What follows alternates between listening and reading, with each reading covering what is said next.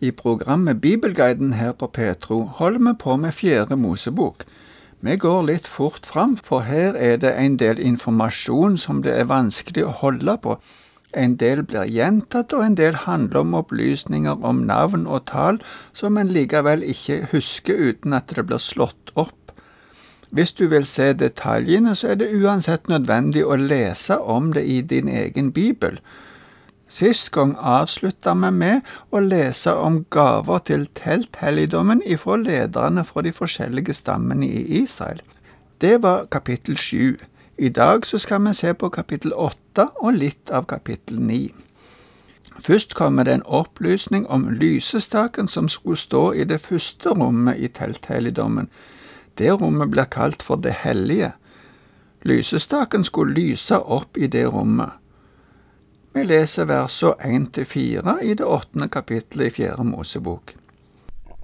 Herren sa til Moses, Tal til Aron og si, Når du setter opp lampene, skal de sju lampene lyse opp rett foran lysestaken. Aron gjorde det slik. Han satte opp lampene slik at de kastet lys rett foran lysestaken, slik Herren hadde pålagt Moses. Slik var lysestaken laget, den var av hamret gull. Fra foten til kronen var den hamret gull. Moses laget lysestaken etter forbildet som Herren hadde vist ham. Resten av kapittel åtte handler om at levittene ble innviet til tjeneste for Herren. Tidligere har vi sett at levittene ble tatt ut for å være Herrens spesielle tjenere, i stedet for alle de som var førstefødte i Israel. Nå skal de innvies til denne tjenesten. Vi skal lese litt om seremonien som de skulle gjennom før de skulle gå inn i denne tjenesten. Og da leser vi fra vers 5 til 19 i det åttende kapittelet, altså i Fjerde Mosebok. Herren sa til Moses, Ta ut levittene fra de andre israelittene og rens dem.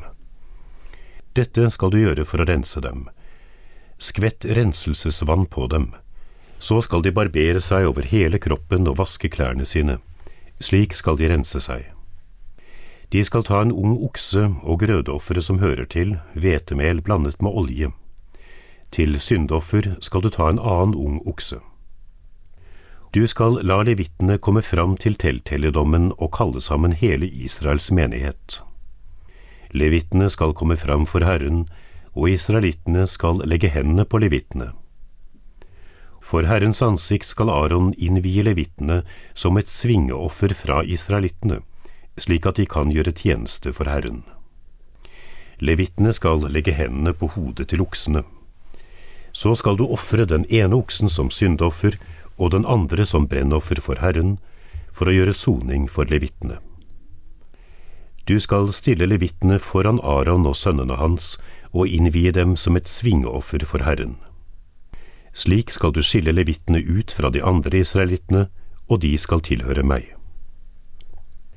Siden skal levittene komme og gjøre tjeneste ved telthelligdommen, etter at du har renset dem og innviet dem som et svingoffer.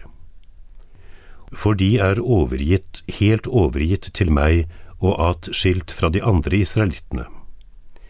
Jeg har tatt dem som mine egne, i stedet for alle som åpner morslivet, alle førstefødte hos israelittene.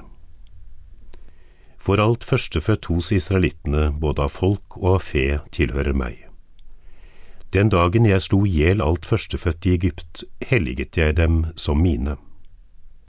Men nå har jeg tatt ut levittene i stedet for alle de førstefødte hos israelittene. Jeg tok levittene ut fra de andre israelittene og overga dem til Aron og sønnene hans.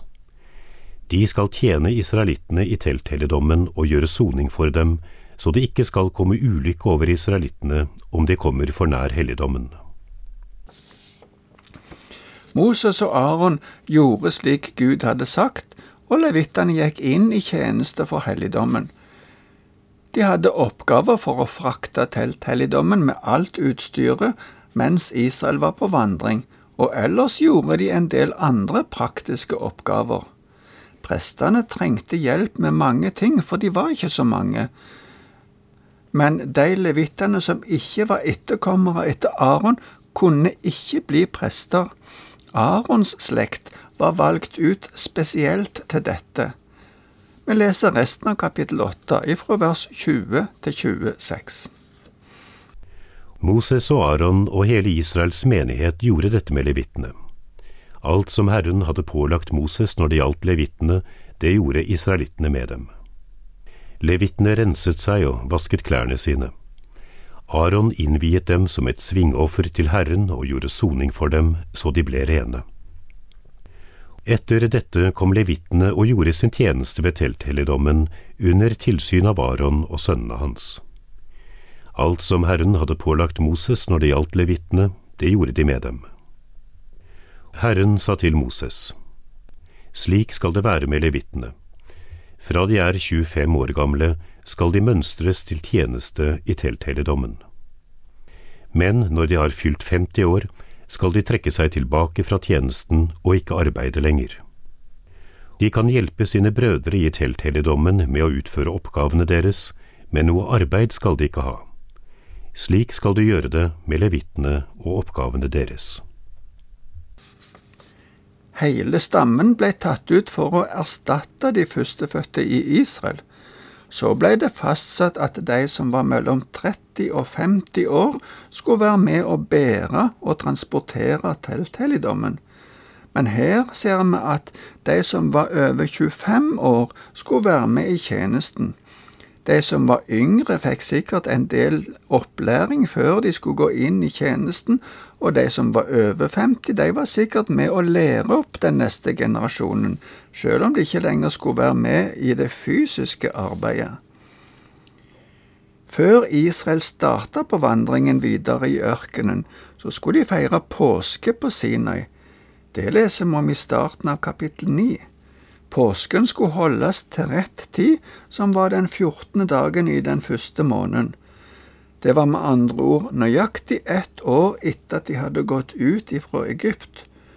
Denne måneden hadde telthelligdommen blitt reist og innviet den første dagen.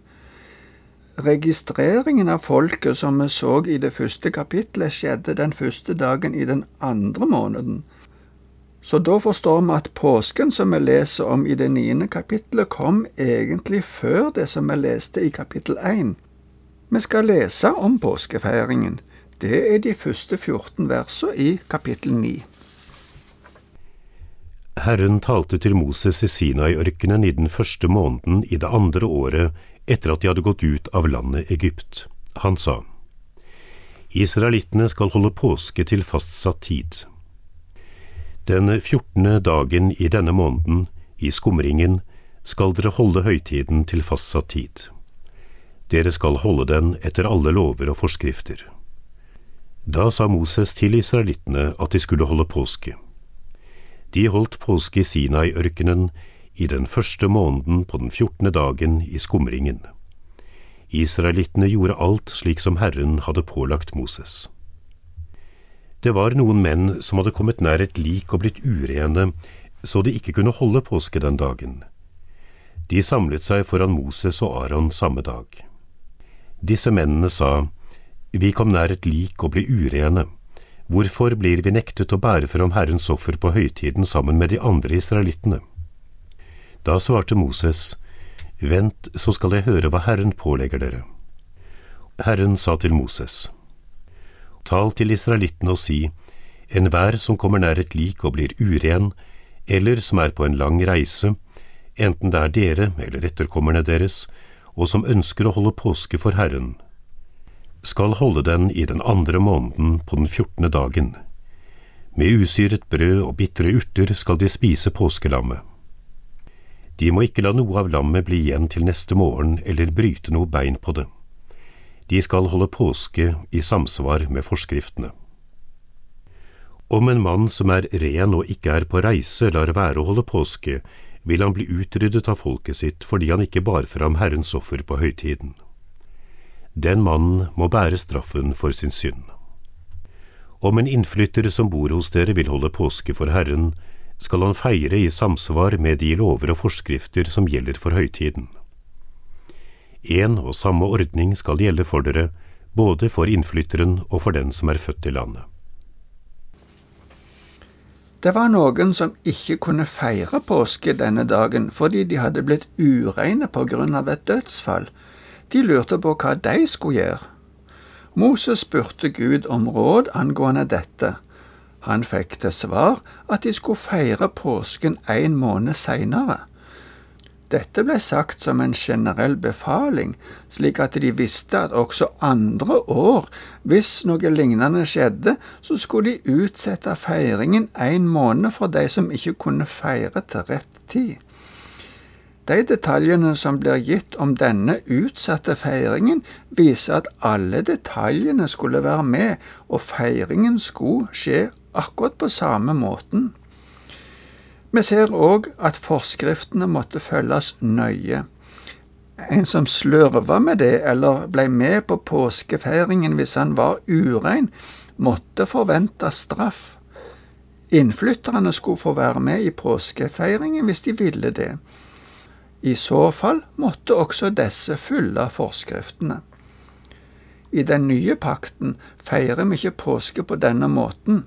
Vårt påskelam er nemlig slakta en gang for alle, og det skal ikke gjentas. Påske for oss vil derfor være en markering av det som Jesus gjorde, og en takk for at alt er ferdig. Selv om vi ikke skal følge disse forskriftene for påskefeiringen, er det likevel viktig for oss å være lydhør for hva Herren vil vi skal gjøre, og hvordan vi skal leve. Selv om kapittel 9 ikke er slutt, så avslutter vi her i dag. Neste gang skal vi se på forberedelsene og oppbruddet for den videre vandringen i ørkenen. Velkommen igjen da. Herren være med deg.